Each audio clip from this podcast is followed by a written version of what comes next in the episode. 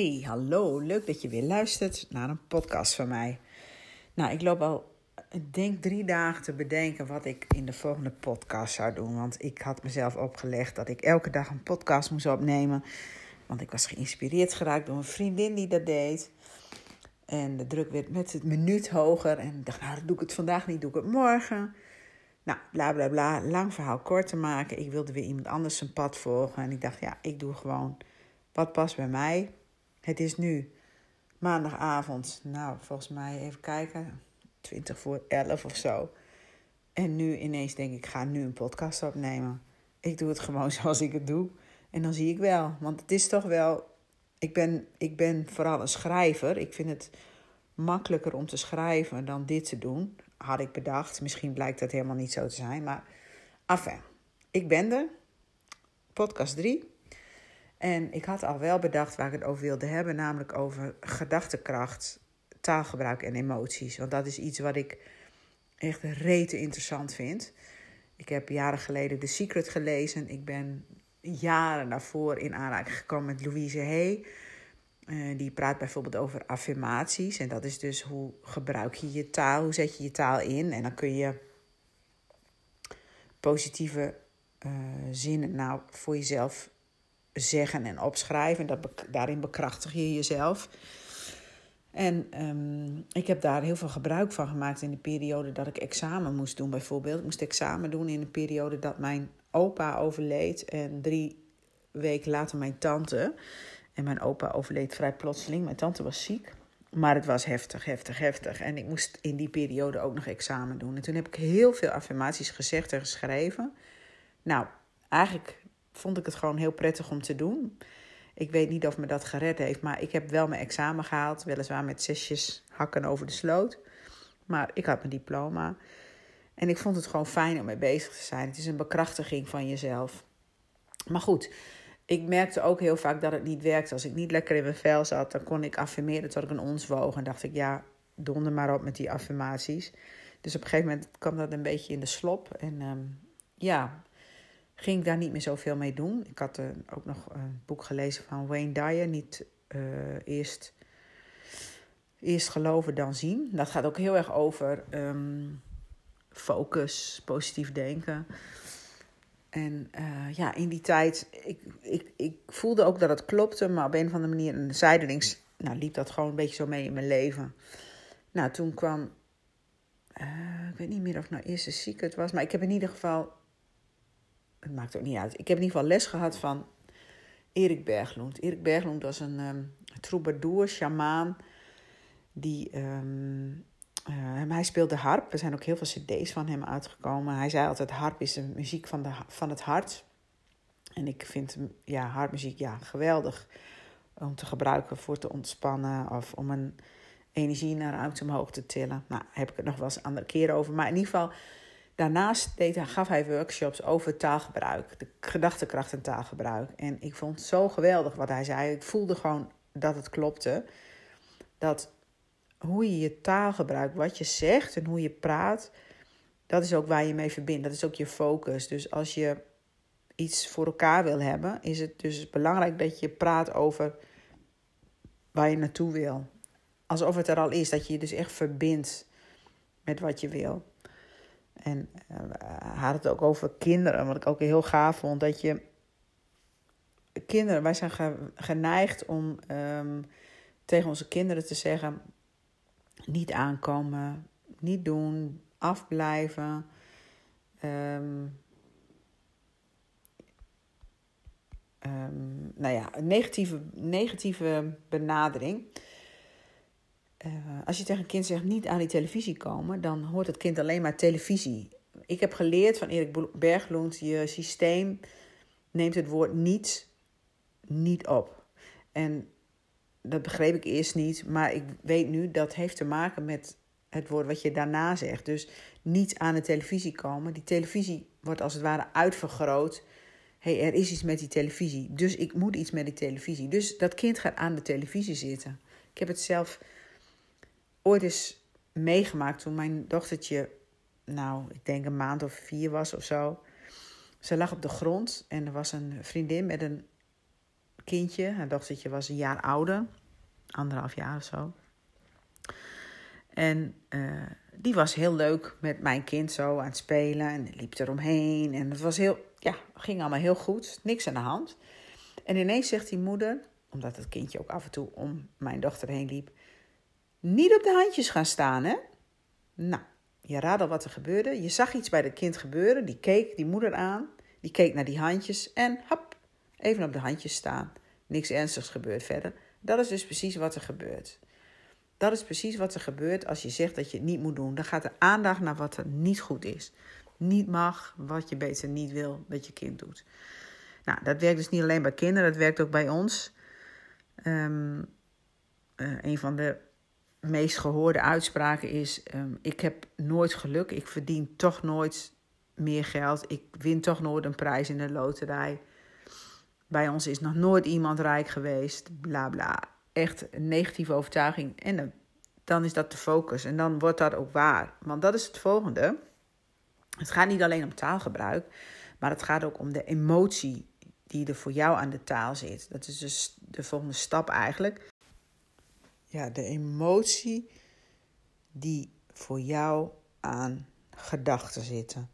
Nou, en een voorbeeld daarvan is, ik ben twee jaar geleden, of twee jaar, is al bijna drie jaar geleden, bedacht ik op een ochtend, zomaar out of the blue, dat ik naar Nieuw-Zeeland wilde. De grap is, ik hield helemaal niet van reizen, maar ik wilde even weg, even weg van alles. En ik bedacht, ik wil ver weg. Ik wil ook lang weg. Ehm, maar ik wil ergens heen waar ik me fijn voel. En ik had ooit in het verleden wel dingen over Nieuw-Zeeland gehoord. Daar was ik heel blij van geworden. Had ik ook opgeslagen. Dus mijn idee was: ik ga naar Nieuw-Zeeland. Dat was zo'n stellig gevoel.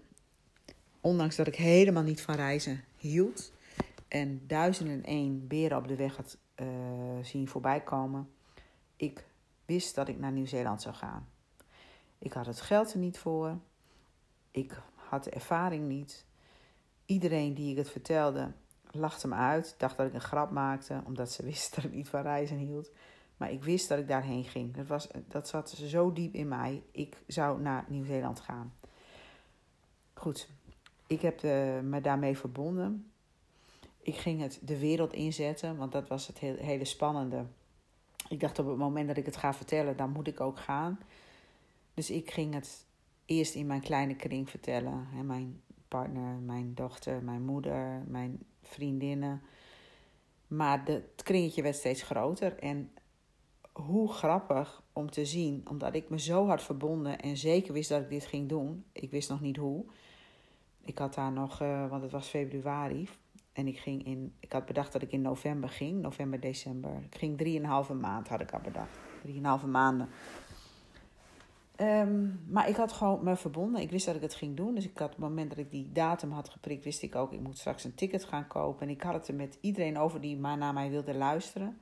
En ineens leek alsof iedereen iemand kende, zelf was geweest, familie had, allemaal in Nieuw-Zeeland. Ik zat op een terras en er werd Nieuw-Zeelandse wijn gepromoot. Um, ik zag boeken over Nieuw-Zeeland. Ik kwam in gesprek met mensen die waren geïmmigreerd. Ik, het, fantastisch. Dus het stroomde alleen maar. En ik werd steeds enthousiast, enthousiaster. En de emoties, het gevoel, het blije gevoel. Ja, dat werd, dat, dat werd zo groot. Wat betekent dat je de trilling, dus de energie van die emoties, die is hoog. En die trekt dus ook hoge eh, energie aan. En dus verandering en dus alles waar ik op gefocust was, dat Nieuw-Zeeland. Nou, ik heb uiteindelijk een ticket gekocht. Toen wist ik ook van, nou, ik ga. En uh, financieel kwamen er ineens een aantal klussen op mijn pad. Ik heb spullen verkocht. Ik kreeg wat dingen aangeboden van mensen. Ik, het was echt fantastisch. Ik had gewoon eerst een ticket gekocht. en heb ik een busticket gekocht die ik daar nodig had. En alles viel gewoon op zijn plek. Ik had gewoon voldoende geld om drie maanden naar Nieuw-Zeeland te gaan. En nog twee weken naar Australië. Ja, geweldig. Dus dat is wat um, gedachtekracht kan doen als de juiste emoties eraan zitten.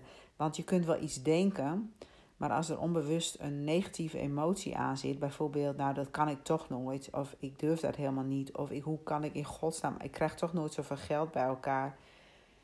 Ehm, nou ja, dat soort overtuigingen, dan wordt dat waar. En bij mij was het gewoon een weten dat ik dat ging doen.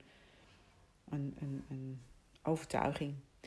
Dus je hebt een gedachte en daar ontstaat een emotie. Het kan ook iets neutraals zijn, dat je denkt, ja, het zou kunnen, het zou niet kunnen. Zonder dat je daar iets over voelt specifiek. Maar vaak hebben we er wel een emotie bij. En aan de hand van die emotie ga je dus handelen en zorgen dat je een bepaalde richting opgaat. Dus als jij deep down bang bent of excuses zoekt om het niet door te laten gaan, dan zal dat ook op je pad komen. En als jij deep down overtuigd bent dat dat gaat gebeuren en die energie steeds groter maakt, die olievlek als het ware, door erover te gaan te praten, wat ik heb gedaan en door uh, dingen uit te zetten om geld te genereren of een ticket te genereren of slaapplaatsen te genereren, dan gebeurt dat gewoon. En dan, dan komt dat op je pad. Dus het is iets wat voor iedereen van ons is weggelegd. Ik weet zeker dat iedereen die hier naar luistert en een reis wil maken, dat ook voor elkaar kan krijgen, mits je 100% van binnenuit voelt dat je dat gaat doen. Dan gaan de stukjes gewoon in elkaar passen. Nou, volgens mij heb ik nu al best wel veel verteld um, van mijn eigen ervaring. Ik denk um, dat ik daar ook nog wel een keer een podcast aan kan wijden. Hoe die reis um, is geweest voor iemand die niet van reizen houdt. Hoe ik dat heb gedaan. Maar ik wilde gewoon heel graag even delen.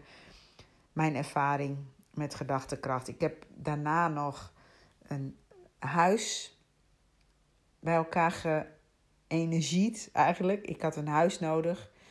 En ook dat huis zag ik voorbij komen. Ik ben in dat huis geweest en ik stond daar en ik wist: dit is mijn huis. En het is het huis waar ik nu woon. Hetzelfde met werk. Ik had een baan nodig. Ik was op zoek naar een plek waar ik geld kon verdienen. En ik had een plek gevonden. En dat is het werk wat ik nu doe. En zo zijn er nog een aantal kleinere dingen. En het is niet zo dat alles wat ik denk ook waarheid wordt. Omdat ik soms ook excuses verzin om iets niet voor elkaar te krijgen. Of dat er angsten zitten of weerstand. Um, waar dus emoties zijn die de boel versperren, zodat het dus niet gebeurt.